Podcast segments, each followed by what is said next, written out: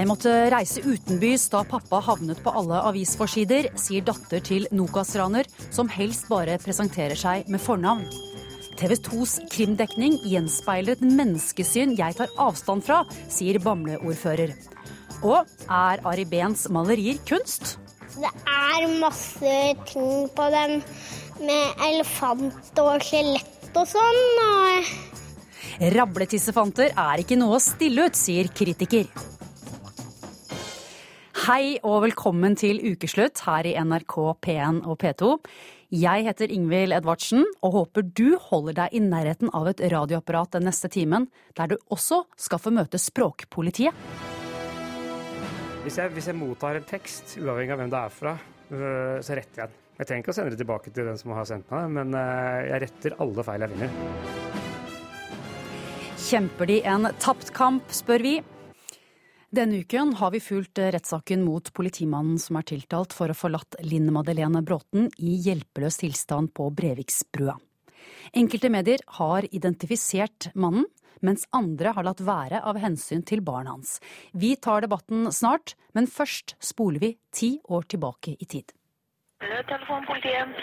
Fra Nokas i Stavanger. Vi har et ran. Dere har et ran. Noregs Bank i Stavanger har vært utsatt for et væpna ran nå i dag tidlig. Akkurat nå er området sperra av, eh, omtrent hele Stavanger sentrum rundt eh, Norges Bank. Det ble fyrt av mange skudd, og en politimann skal være skadd. Og mye folk som eh, vaser fram og tilbake.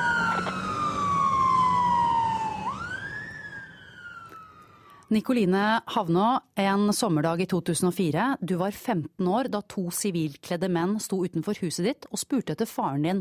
Hva husker du fra det? Eh, jeg husker at eh, jeg trodde det var Jeg følte på meg at det var noe som var galt. Eh, men mamma var ikke hjemme, og jeg fikk heller ikke noe beskjed av de som var på døra. jeg dro på jobb, og Mamma ringte meg noen timer senere og fortalte at eh, pappa var blitt eh, arrestert for Nokas-ranet.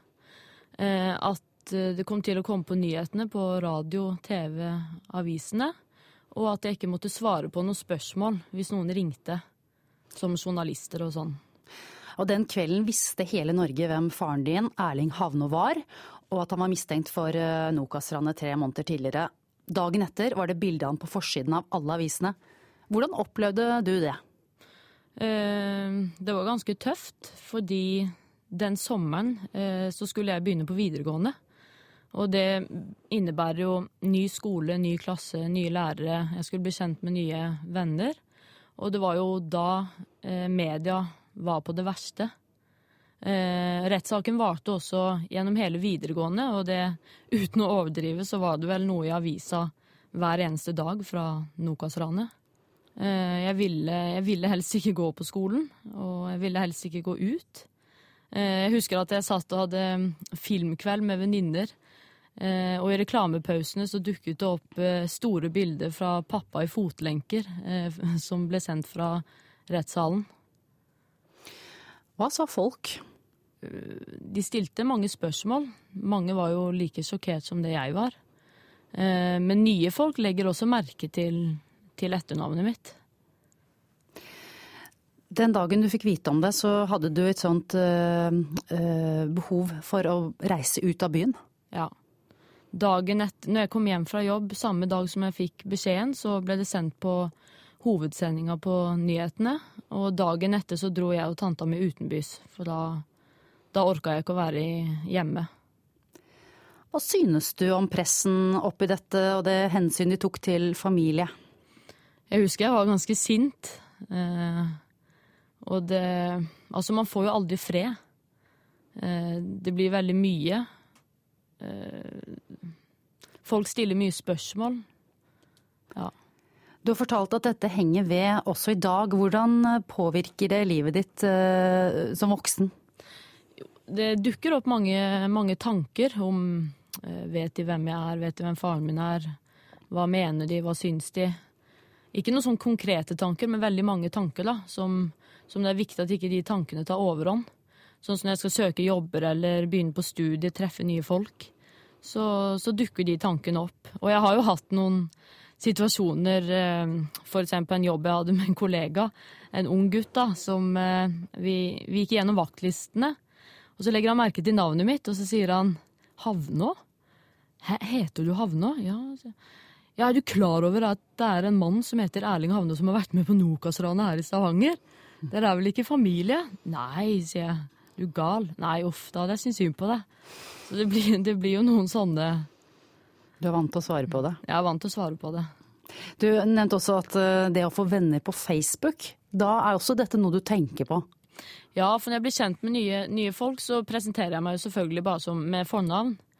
Eh, og det er jo når vi skal bli venner på Facebook Å, hva er etternavnet ditt? Jeg må legge deg til. Og da, da kommer alltid den der åh, nei, nå Nokas-ranet var jo en enorm sak. Forstår du at media eh, ønsket å offentliggjøre navnene på de som var eh, siktet og senere tiltalt? Jeg forstår jo kanskje at de, de vil jo selge. Men eh, for oss så har det jo vært tøft. Det blir jo helt, det blir helt noe annet for oss. Hva tenker du om, eh, om, barn som står i lignende situasjoner i dag? Jeg tenker at uh, det må være tøft for de også. De skal jo møte De skal møte hverdagen og møte folk og svare for det foreldrene har gjort. Har du en oppfordring til mediene? At de kan ta mer hensyn til hva de skriver. Takk for at du var med, Nikoline Havna.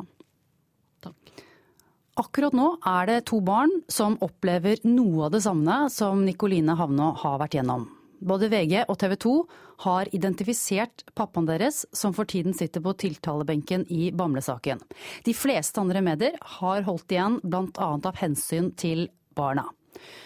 Unni Brekka Tjøsterud, du er varaordfører i Bamble kommune. Hva syns du om dette valget om å identifisere han? Nei, jeg syns det er uh, helt forferdelig. Fordi jeg tenker at uh, pressen uh, overhodet ikke følger sine egne Vær varsom-retningslinjer når det gjelder det å ta ekstra hensyn. Ord og bilder er veldig mektig våpen, og de skal ikke misbrukes.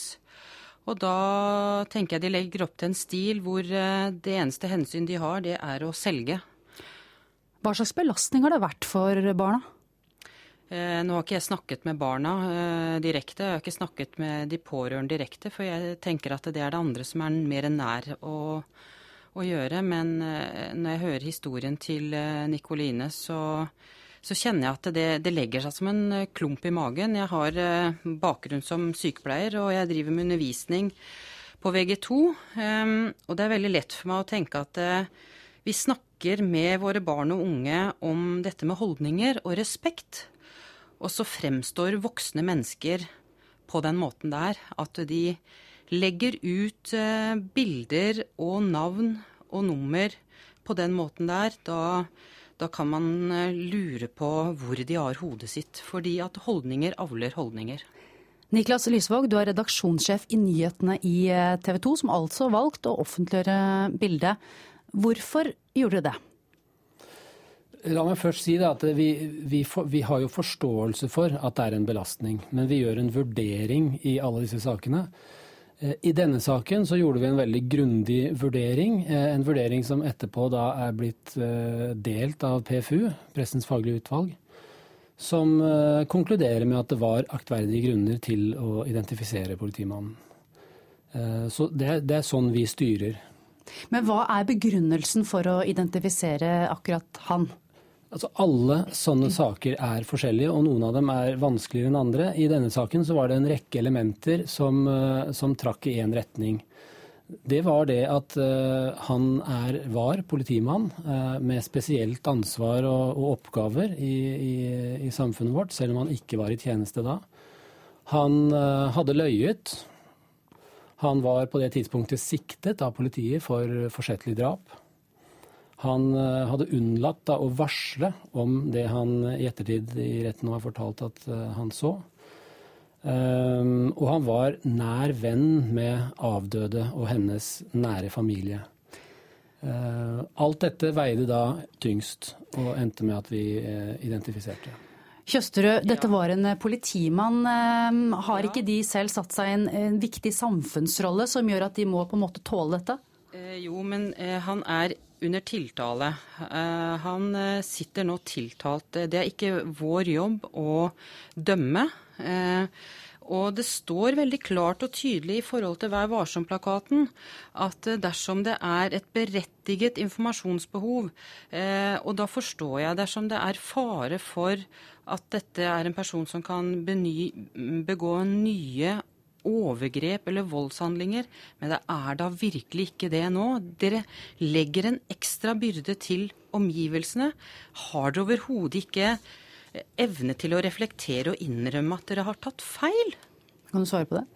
Altså, vi mener jo at vi har gjort det rette her. Eh, vi har fått støtte fra det som er eh, vår selvdømmeordning, de som skal kontrollere oss. Dette er jo klaget inn av politimannens advokat. Og PFU slår helt klart fast at det var aktverdige grunner til å, å identifisere i denne saken. PFU har landet, eh, Pressens faglige utvalg altså, har eh, landet på at de syns det er greit, men eh, store deler av Medie-Norge har landet på motsatt konklusjon av dere og mener at hensynet til barna veier tyngst. Dette informasjonsbehovet man snakker om, hvorfor har vi bruk for, hvorfor har vi nytte av å vite hvem han er? Da tror jeg vi må, vi må, gå litt tilbake fra denne saken. Altså Det vi står for i nyhetsmedia, det er åpenhet og offentlighet om så mye som mulig. Også om etterforskningssaker, eh, rettssaker osv. Eh, altså blir det, Når vi ikke skal fortelle hvem, hva, hvor og alle disse detaljene, så, så må det ha en begrunnelse. Og det har de jo ofte. I denne saken så mener jo vi at akkurat de elementene som jeg har vært inne på nå, hans rolle som politimann, hans nære venn, hans uh, innrømmelse av å ha løyet om disse viktige tingene som skjedde den dagen, eh, veide så tungt Han var jo også da på det tidspunktet sikta for, for forsettlig drap. At vi, vi gjorde det. Og hadde vi fått en sånn situasjon i fanget igjen, så ville vi jo nok gjort det samme. Men det er jo ingen saker som kan sammenlignes 100 men, Alle er litt forskjellige. Og så har jeg lyst til å igjen, si en ting til også. Vi gjorde også en undersøkelse i lokalmiljøet der. Politimannen her er jo en kjent person i lokalmiljøet. Og vi visste at det hadde eh, gått ut informasjonsskriv fra skolen før vi identifiserte. Så til en viss grad var han nok identifisert i lokalmiljøet da ja, allerede. Vær så god. Og det var den gang da. Nå er mannen under tiltale. Eh, hver eneste gang dere nevner eh, mannens navn, eh, og jeg har for, veldig respekt for alle andre, og selvsagt også de som opplever et vanvittig tap i forhold til de som er utsatt for, for dette. Det har ingenting med den saken å gjøre, men det har noe med respekt for alle menneskene rundt. Og vi har noen grunnleggende verdier i samfunnet vårt. Ytringsfrihet, rettssikkerhet, personvern. Har de i det hele tatt vurdert? Men, eh, men eh, eh, har ikke Lysvåg et poeng her når han sier at folk i området vet det uansett? Ja, og hvorfor trenger man å da fortelle det navnet på nytt hver eneste gang saken nevnes? Ja, Hvorfor må hele Norge vite det? Men, men nå, foregår, nå, foregår, det en rettssak. Det er en åpen rettssak. Hadde det vært plass til hundretusener av mennesker i rettssalen der, så kunne, vært, så kunne, alle de kommet. Sånn er det ikke. Nå står vi og dekker denne veldig spesielle og veldig alvorlige saken. Sammen med mange andre medier. Vi har valgt å identifisere tidligere da synes jeg når det nå er oppe for en åpen rett på denne måten, så vil det være rart om vi da skulle slutte. Så nå, nå har vi jo tatt den avgjørelsen og står ved den. Hva syns du om argumentet om at Nei. man kan slippe til hele Norges befolkning inn i rettssalen? Nei, det forstår jeg overhodet ikke. For det er jo alltid, hvis vi ikke kan ha evne til å reflektere over at vi har gjort en feil og stoppe opp og si at vet du, beklager, dette gjorde vi feil. Vi eh, slutter med den identifisering. Det høres nærmest ut som man spytter ut vedkommendes navn. Og det, det vitner om holdninger. Hvilket ansvar mener du mediene har for å skåne barn i, i krimsaker? Man skal alltid ta hensyn til familie og andre nære. Det må alltid veie tyngst. Og jeg opplever det at man eh, gjenspeiler noen verdier. Eh, og og et menneskesyn som jeg tar sterk avstand fra. Og jeg syns det er skremmende. Her står vi i klasserom og snakker til våre barn og unge om, om respekt og, og, holdninger i forhold til, til andre mennesker, og så ser man det her. Men la Lysvåg svare på det. Sier dette noe om TV 2s uh, menneskesyn? Nei, jeg syns ikke det. Dette sier noe om eh, vår måte å drive nyhetsjournalistikk på. Eh, det er da en måte som vi har fått støtte til fra PFU. Eh, vi står ikke i, i retten og spytter ut politimannens navn. Vi forsøker, og har helt siden identifikasjonen kom, så har vi forsøkt å motivere bruken av navnet. Bildet f.eks. har vi brukt ganske lite. Nå er en, nå nå er det hovedforhandling i retten. Eh, så nå brukes det naturlig nok noe mer. Takk til dere, Niklas Lysvåg og Unni Brekka Tjøsterud. Vi kan legge til at VG ikke ønsket å delta i denne debatten. Norge er en nasjon av dyslektikere og skriver som fulle sjømenn. Det skrev postdoktor ved Høgskolen i Hedmark, Sanna Saromo, i VG på mandag. Reaksjonene lot ikke vente på seg. Det fins knapt noe som engasjerer folk mer enn språkdebatt. Men hvorfor velger noen frivillig å være språkpoliti? Reporter Kari Lie har møtt de som jakter på skrivefeil. Hvis jeg leser aviser på morgenen, så må jeg hente en penn hvis jeg ser en feil. Sanna Saroma er alltid beredt. Eh, eller hvis jeg går forbi et skilt, så, og hvis jeg, hvis jeg, har med meg tusj, så går jeg og, og retter på hvis jeg har anledning, hvis jeg har mulighet til det, så gjør jeg det. Innvandreren fra Finland er med i en tropp som pleier å aksjonere i det stille. Altså, jeg prøver å være så diskré at jeg ikke blir tatt, og så setter jeg ordene sammen hvis de hører sammen. Men denne uka steig aktivisten med rettetusjen fram. Over ei helside i VG skrev hun at Norge er en nasjon av dyslektikere, og at vi synes det er greit å skrive som fulle sjømenn. Denne kronikken har noen gode poenger, så syns jeg den er til dels veldig arrogant. Kunnskapsminister Torbjørn Røe Isaksen var blant de mange som hissa seg opp hvis man skal få gjennomslag i den norske opinionen, så tror jeg man kan formulere seg litt mindre eh, hva skal man si, bedrevitersk og litt eh, mindre anekdotisk, i hvert fall når man er såpass spiss. Men hvorfor svir det sånn når en finne skriver at vi ikke kan rettskriving her til lands? Eh, jeg er enig, det er en del skrivefeil, spesielt da sammensatte ord. Orddelingsfeil er noe jeg irriterer meg mye over. Jeg ser på trikken og reklame og aviser og så det, jeg tror vi må skjerpe oss der. Det er jo litt lat skole og sånn her. Mot andre steder hvor de har mye strengere skole, som Frankrike. Jeg vet ikke om de godtar eller russ... Nei, Finland. Det er et paradoks at du er et land der du satser mer og mer på utdanning, og så kan ikke folk å skrive. Og det er jo bare så flaut. I 2007 fikk skrivefeilene sin egen låt. Du må ikke dele ord i hytt og pine. Dele dem slik du er bestemt, i henhold til norske reskrivningsregler. Jeg må si jeg blir beklemt. Nå sliter jeg fælt. Da eh, har jeg ikke noe, har ikke noe egna redskap til å skjære teip. Egil Hegerberg i Bare Egil-band drar seg i det lange, krøllete helskjegget. Ja. Det er 20 minutter til drosja kommer, og rockeren har ennå ikke pakka effektene han skal selge etter kveldens konsert. Så da må jeg bruke nøkkelen, da, vet du. Nøkkelknippe. Det er da et eh, typisk eh, sammensatt ord som skal skrives, eh, skrives i én. Pappeske skal skrives i én. Orddelingsfeilene kommer jo av et modell fra engelsk, og ikke minst fra Microsoft Words rettskrivningsfunksjon. Jeg skrev med gru hvordan det var når, når de begynte å legge inn ordlister, og det rette, automatisk retta alle sammensatte ord til at det blir særskrevet. Har du noen favoritter på orddelingsfronten? Hattemaker. Um, løkepose. Kløtsjevaier og strømpebukse. Tak takketale. Nesehår og så frittgående. Er du språkpoliti?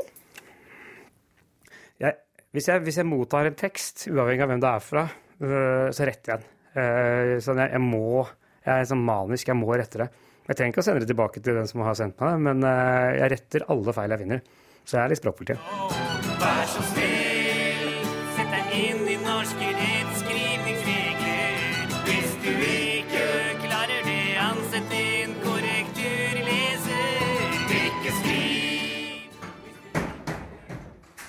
Den er morsom, det var det som stoppet opp med. Professor Finn Erik Vinje er tynn og lang og sitter ytterst på kontorstolen. Det der Der. Hele Norges rødpenn har vært emeritus eller pensjonist lenge, men har en blogg hvor han fortsetter å rette språkfeil og navngi de som begår dem. Kjenner du Heidi Weng? Hun ville bøye seg i hatten for uh, seierherren. det syns jeg er et morsomt uttrykk. Meldinger på Facebook tyder på at ikke alle setter pris på korreksen. Vinje er jo alltid gretten. Han er en sur, gammel vestkantgubbe. Det får en si. Det får en si. Men får du trusler òg? Nei, det tror jeg ikke jeg har fått noen gang. Du vet, Jeg er stor og sterk, da, så kanskje det er ingen som tør å gå på den måten. Men eh, nei, det har aldri vært ikke noe sånne korporlige angrep. Vinje la selvsagt merke til at rettskrivingen fikk enda en våpendrager denne uka. Det var noe frekt sagt, da. Dyslektikere har jo sine problemer å stri med. Om de ikke skal trekkes inn på den måten. Litt smakløst, kanskje, med å uttrykke seg på den måten. There are words that can make you happy. And there's words that can make you sad. Kort tid etter at Sanna Saromas kronikk ble publisert, måtte VG endre nettversjonen fordi dyslektikere og sjømenn følte seg støtt. Altså Stort sett har jeg fått veldig veldig positive tilbakemeldinger, og stort sett syns folk at det er superartig at dette kommer fra en utlending. Men det er selvsagt noen idioter som, som mener at jeg burde flytte straks tilbake til Finland. At hva gjør jeg her i Norge hvis det er så jævlig? Angrer du på at du brukte disse uttrykkene? Nei, altså, ja, det var jo en som Jeg hadde også brukt ordet frontkjemper, altså et eller annet at lærere og journalister skulle være språkets frontkjempere, og så var det noen som reagerte på det også, og foreslo at jeg skulle bruke ambassadør i stedet. Så jeg hadde neppe sittet her hvis jeg hadde skrevet en kronikk om å være språklig ambassadør. Herregud, så tamt. Det kan jo bli sånn at uh, folk ikke tør uttrykke seg fordi alt de sier eller skriver må være korrekt. Ser du noen fare der? Jeg tenker at vi er langt fra den faren, at vi er heller i den, i den fare, altså vi er heller i den situasjonen at alle uttrykker seg hemningsløst uten noen hindringer på, på et språk som, eh, som ikke ligner på grisen. Words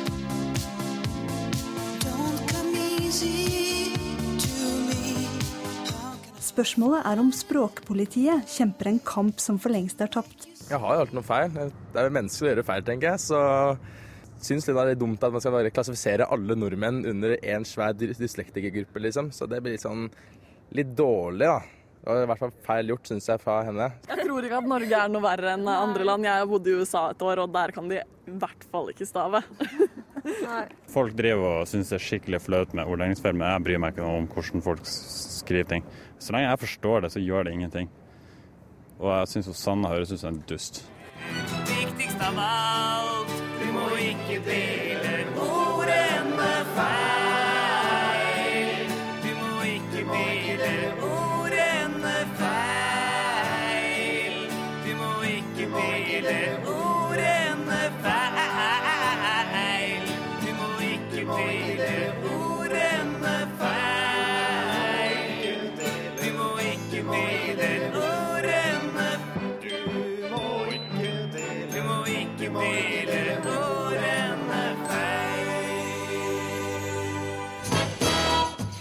Du lytter til Ukeslutt her i P1 og P2.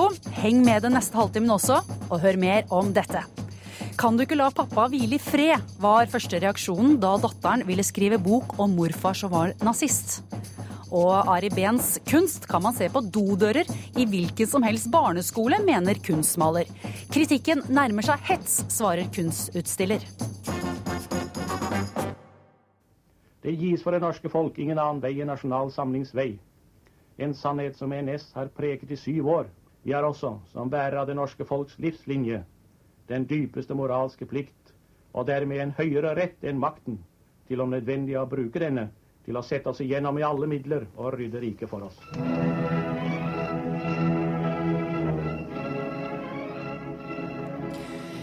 Mange nordmenn som lot seg begeistre av Vidkun Quisling og meldte seg til nazistenes tjeneste under krigen.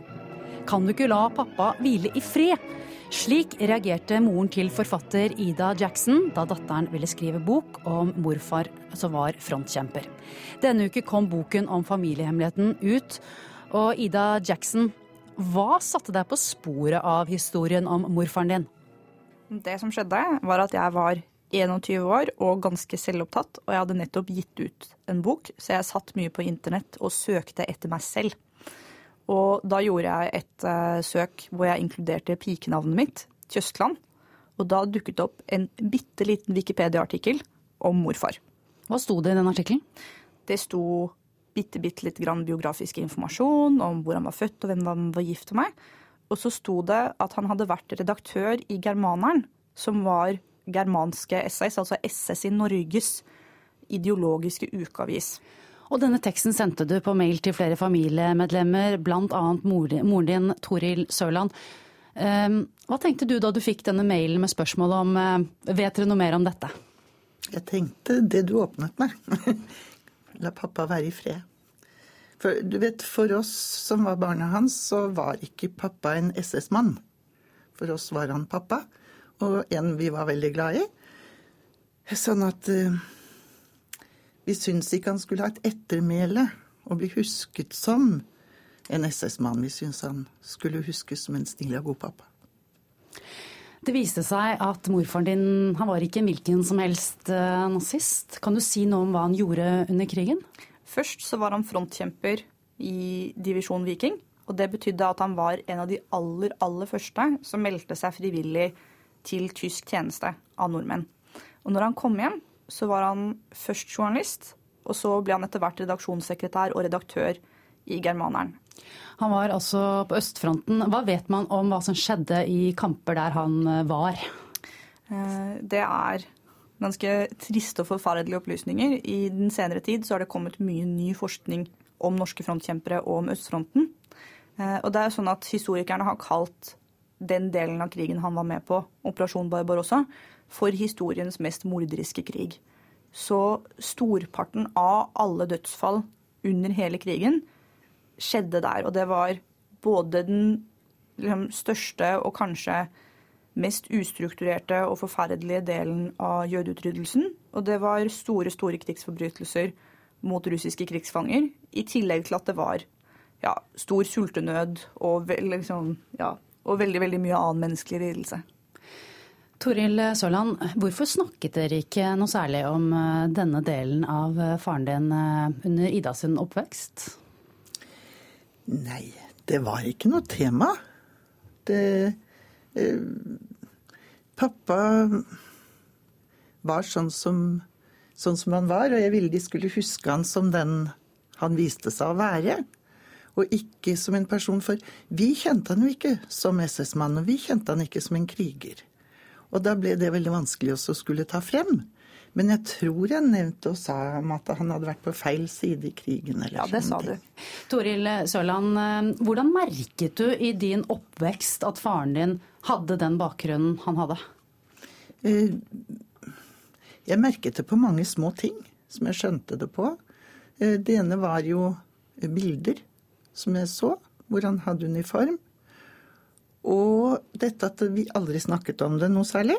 Og at de få gangene jeg spurte, så sa mor det samme, dette at eh, vi var på feil side under krigen.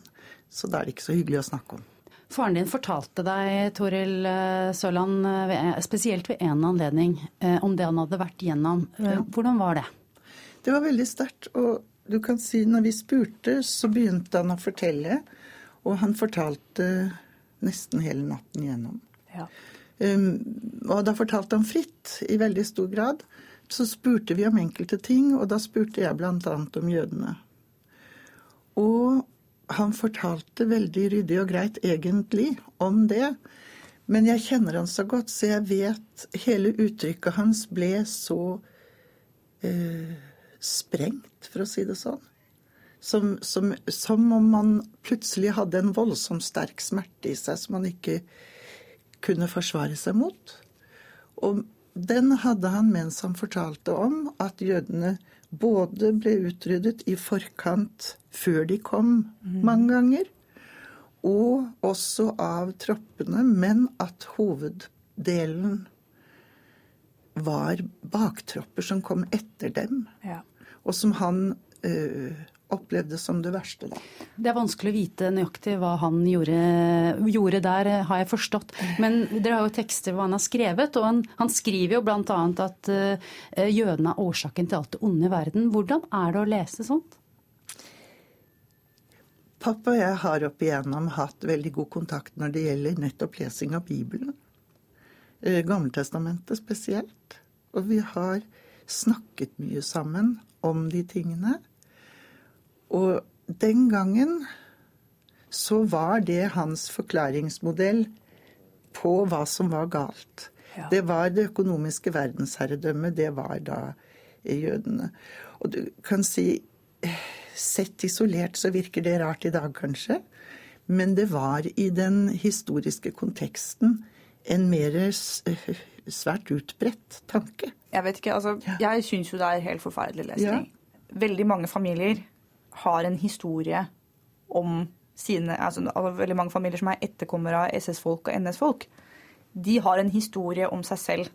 Om at dette ikke handlet om jødene. At det f.eks. handlet om at man var redd for Stalin, eller man ville tjene litt penger. Men, unnskyldninger. Ja, unnskyldninger. Men det som er med Pers tekster, er at de gjør det veldig tydelig at Per var nazist på ordentlig. Du kaller han eh, Per når du beskriver dette her i boka, men han er bestefaren din. Du, du skriver et sted at du, at du reagerte fysisk, at du måtte kaste opp når du leste om det uh, han hadde gjort. Hvordan synet på bestefaren din endret seg gjennom arbeidet med denne boka? her? Altså, eh, morfar, som jeg kjente ham, var jo et av de varmeste og mest omsorgsfulle menneskene i hele min oppvekst. Og jeg, det tror jeg han var i oppveksten til alle fetterne og kusinene mine og alle som var. Så på en måte så kjente jeg jo noen som var en ganske sånn moderne mann. Men på den andre siden så blir jeg da kjent med en person som egentlig er så gammel som meg, og som mener noe utrolig sterkt. Eh, og det han mener utrolig sterkt, får han med på noen ganske forferdelige ting. Så mitt bilde av ham, hvis jeg skal si det veldig kort, eh, det har både altså, altså kjærligheten er konstant, mens den politiske frustrasjonen og raseriet er stigende synkende etter hvor jeg er i researchprosessen. Toril Sørland, eh, vi begynte med at du var skeptisk til dette prosjektet i utgangspunktet. eh, Og det er vanskelige ting å snakke om. Ville du helst, aller helst, latt dette ligge? Personlig ja, så ville jeg jo det.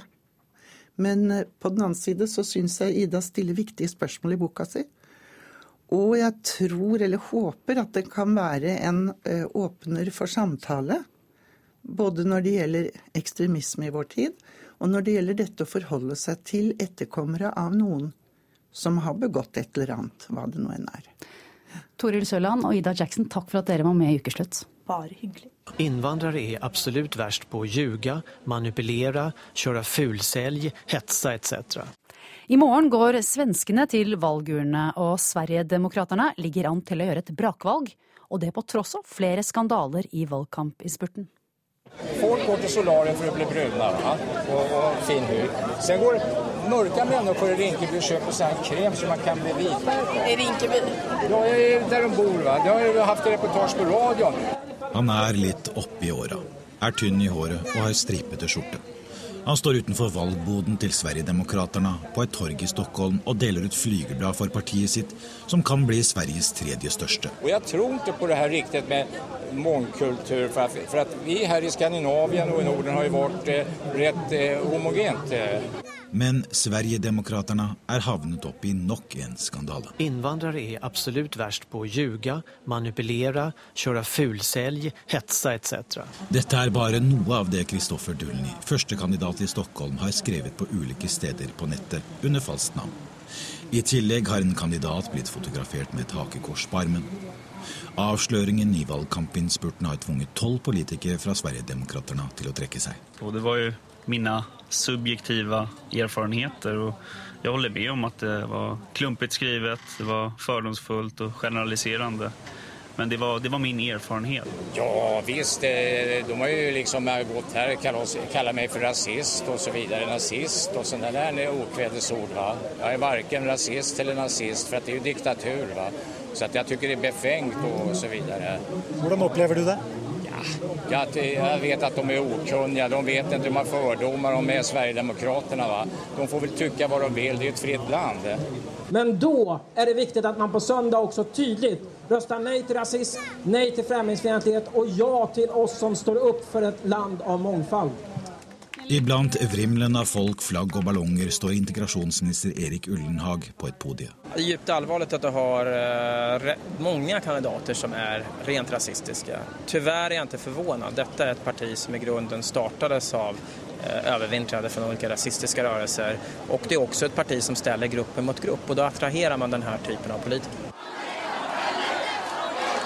Noen titalls ungdommer fra Sverigedemokraterna veiver med det svenske flagget. Partiet kan få en viktig rolle som et støtteparti for enten en høyredominert allianse eller en rød-grønn regjering. Med 10% som de har nå, kan de etter hvert komme ut av kulden, sier politisk kommentator Love Benning. De har fått veldig mye oppmerksomhet for sånt som andre partier ikke skulle ville ha. nemlig at foretredere har skrevet rasistiske saker på ulike hjemmesider, og trots det, eller kanskje av det, så har de fått ännu fler då, eh, proteströster mot etablissemanget. Sådana som inte bryr sig om vad som står i tidningar eller rapporteras på tv och radio. Utan de får då öka sitt stöd, fast andra partier förmodligen skulle ha fått minskat stöd till följd av en sån sak. Muslimene er en kreftsvulst på moder jord. Fy faen som jeg hater islam. Jeg orker ikke den djevelens ideologi. Dere er noen jævla halvaper, er andre sitater fra SD-politikere som har ført til store avisoppslag i valgkampinnspurten. For Sverigedemokraten på torget er det politikerne som er problemet. Det låter som vi bokstavelig skulle gi oss på innvandrere. Det er helt feil Det är politikernas, det är ikke innvandrernes fel. Så ligger- jeg det ligger til, i alle fall. Det var reporter Øyvind Nyborg som hadde besøkt Sverigedemokraternes valgkampbod. Meningsløst og barnslig søppel. Slik har Ari Behns malerier, som er utstilt i Drammen kunstmuseum, blitt karakterisert. Reporter Ida Tune Ørresland tok turen dit for å høre hva folk syns. Jeg syns det er grusomt. Det er jo liksom ikke Det er bare noe surr. Det er lett å få øye på bildene til Ari Behn. Sterke farger i gult, grønt og knall rødt står i kontrast til hvite museumsvegger. Også strekfiguren av kjønnsorganer, hoder på spyd og våpen skiller seg ut. Jeg tror ikke hvem som helst hadde kunnet eh, hengt opp det her, her hvis ikke det, han hadde hatt det navnet og var den personen han var. Egentlig. Ari har provosert som forfatter, programleder, designer og dramatiker. Og ikke minst i rollen som seg selv. Vi møttes i drømmene våre da vi var små. La oss fortsette med å møtes i drømmene våre. Nå er det museumsgjengernes tur til å få opp blodtrykket. Altså, jeg, jeg, jeg skal jo ikke kanskje forstå kunsten, men dette her, det syns jeg bare er tull, altså. Hvorfor, hvorfor er det tull? Ja, jeg bare syns at dette her, det må jo være Det kan ikke ligge noe jobb bak dette her. Dette er bare noe sånn.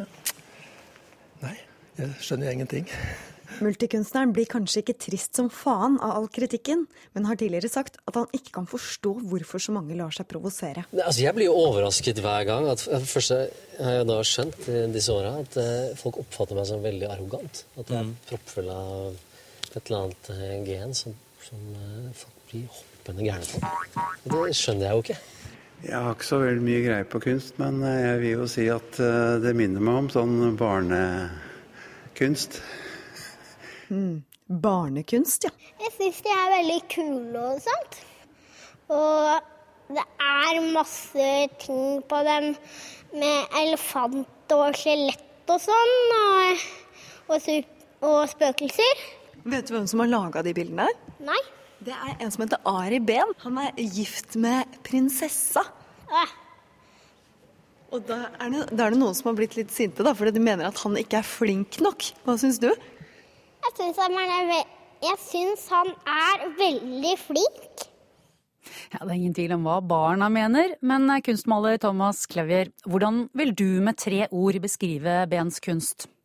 Ja, altså jeg synes det er eh, flatt, uoriginalt og barnslig. Harald Gautneb, du er styreleder i Drammen kunstforening og står bak utstillingen. Hvordan vil du med tre ord beskrive Ari Behn sin kunst? Altså, sånn rent personlig eh, så er det kunst som, som, som griper meg, eh, kommuniserer med meg og, og, og setter i gang følelser hos meg.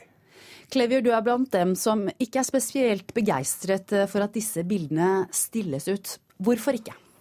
Altså det, I en sånn kunstdebatt så vil jeg heller stille spørsmålet hvem er, en, altså hvem er kunstneren? Hva er en kunstner?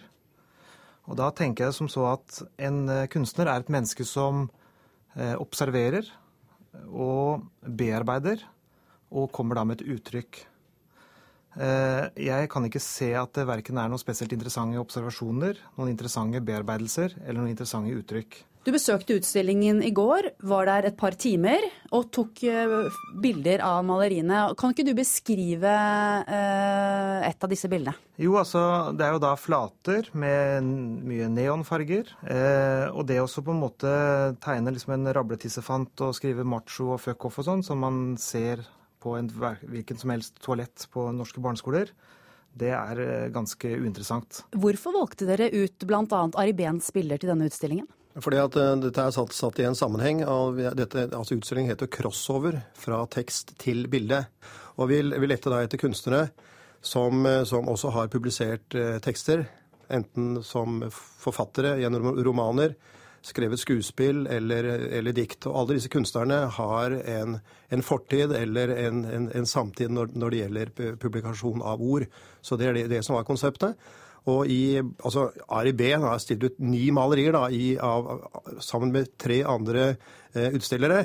Altså, jeg syns at debatten er jo bare om Ari Behn, men man må jo se utstillingen Men er det så rart, da? Det er ikke så rart. Jeg, er det ikke det du ønsket? Nei, altså jeg, jeg, er jo faktisk over, litt overrasket over, over den reaksjonen som, som, har kommet. Altså for, for, meg så virker det nå som at alle elsker å hate Ari Behn.